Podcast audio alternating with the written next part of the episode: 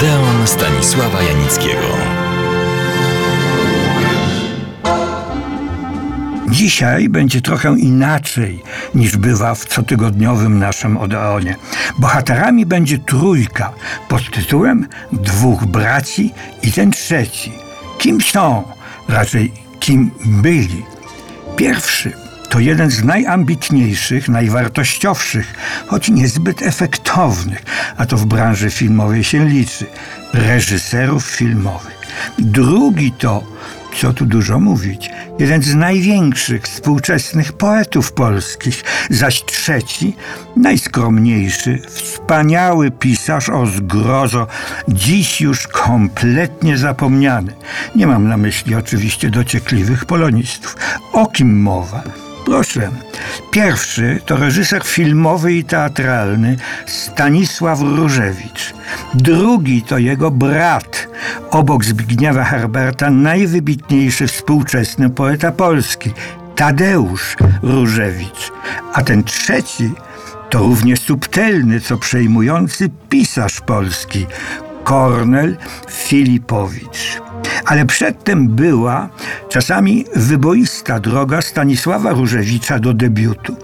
Reżyser z pewnym doświadczeniem przedwojennym Jerzy Zarzycki ściągnął w 1946 roku Stanisława Różewicza do polskiego Hollywoodu, do Łodzi.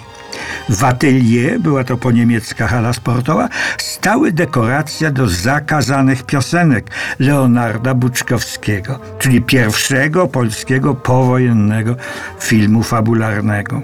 Ale Różewicz znalazł się tu, ponieważ Zarzycki go ściągnął do realizacji filmu Jutro premiera rzecz o premierze opery Halka Moniuszki. Na zlecenie Zarzyckiego młody Różewicz rozpisywał scenopis, wtedy zwany drejbuchem. Używał fachowego określenia szwęk. Mira Ziemińska, przypomnę, sławna już przed wojną, równie znakomita, co ekscentryczna diwa filmowa, zapytała, co to też znaczy. Różewicz wytłumaczył, że to oznacza szybką panoramę. I wtedy, cytuję młodego wtedy adepta sztuki filmowej, Mira Zimińska sięgnęła do torebki, dała mu 500 złotych, mówiąc: Panie Stasiu, proszę, to na dziewczynki. Różewicz wspomina, nie wiedziałem w tamtym czasie, ile kosztują łódzkie dziewczynki, choć znane mi były ich regiony. Stypendium ziemińskiej wydałem na obiady, bo z forsą było krucho. W atelier na Łąkowej pracowało wówczas wielu świetnych przedwojennych pracowników filmu. Stanisław Różewicz wspominał ich z niekłamanym uznaniem za ich fachowość, rzecz jasna. Kilka razy jeździł też służbowo do Warszawy. Widział na scenie samego Juliusza Osterwę oraz Ludwika Solskiego, legendy polskiej przedwojennej sceny. Solski miał wtedy 95 lat. Był jak żywy. Przygrywał sobie na skrzypcach, wtrącał nieoczekiwane żarty na temat warszawskich trolejbusów. Wracam do przygotowywanego filmu Jutro Premiera, którego realizację przerwano. Temat ten podjął po kilku latach Jan Rybkowski. Film nosi tytuł Warszawska Premiera, a premiera miała miejsce w 1951 roku, czyli był to jedenasty polski film powojenny. Krótki metraż Zdradzieckie serce, w którym Stanisław Różewicz zdobywał ostrogi reżyserskie, wsławił się tym, że odtwórca głównej roli, znany wówczas aktor Stanisław Grolicki, przed wejściem do zdjęć ostatniej sceny nagle zmarł awaryjnie, odpowiednio ucharakteryzowany, wystąpił w tej roli nie kto inny jak młody Jerzy Kawalerowicz, wkrótce jeden z najwybitniejszych polskich reżyserów takich filmów jak Celuloza, Pociąg, Matka Joanna od Aniołów czy Faraon.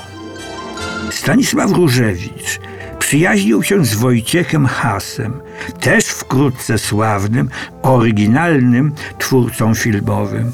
Różewicz wspomina, że razem chodzili w łódzkim paroku na kajaki i rzecz jasna do kina a wyświetlane były wówczas, zanim zarządzono jako obowiązujący socrealizm, znakomite włoskie filmy neorealistyczne i na przykład między innymi angielski dramat Karola Rida Niepotrzebni mogą odejść.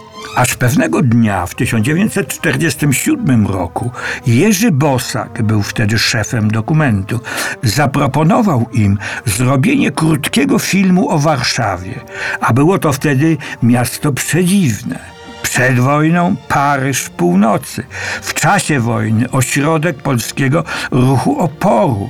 Miasto walczące równie bohatersko, co rozpaczliwie w czasie powstania przez hitlerowców zrównane z ziemią, a po wojnie budzące się powoli do życia, niczym Feniks z popiołów i film o Warszawie Stanisław Różewicz i Wojciech Has zrealizowali. Tylko nie był on taki, jakiego władze się spodziewały. Ale o tym opowiem Państwu już za tydzień. Do Odeonu serdecznie zapraszam.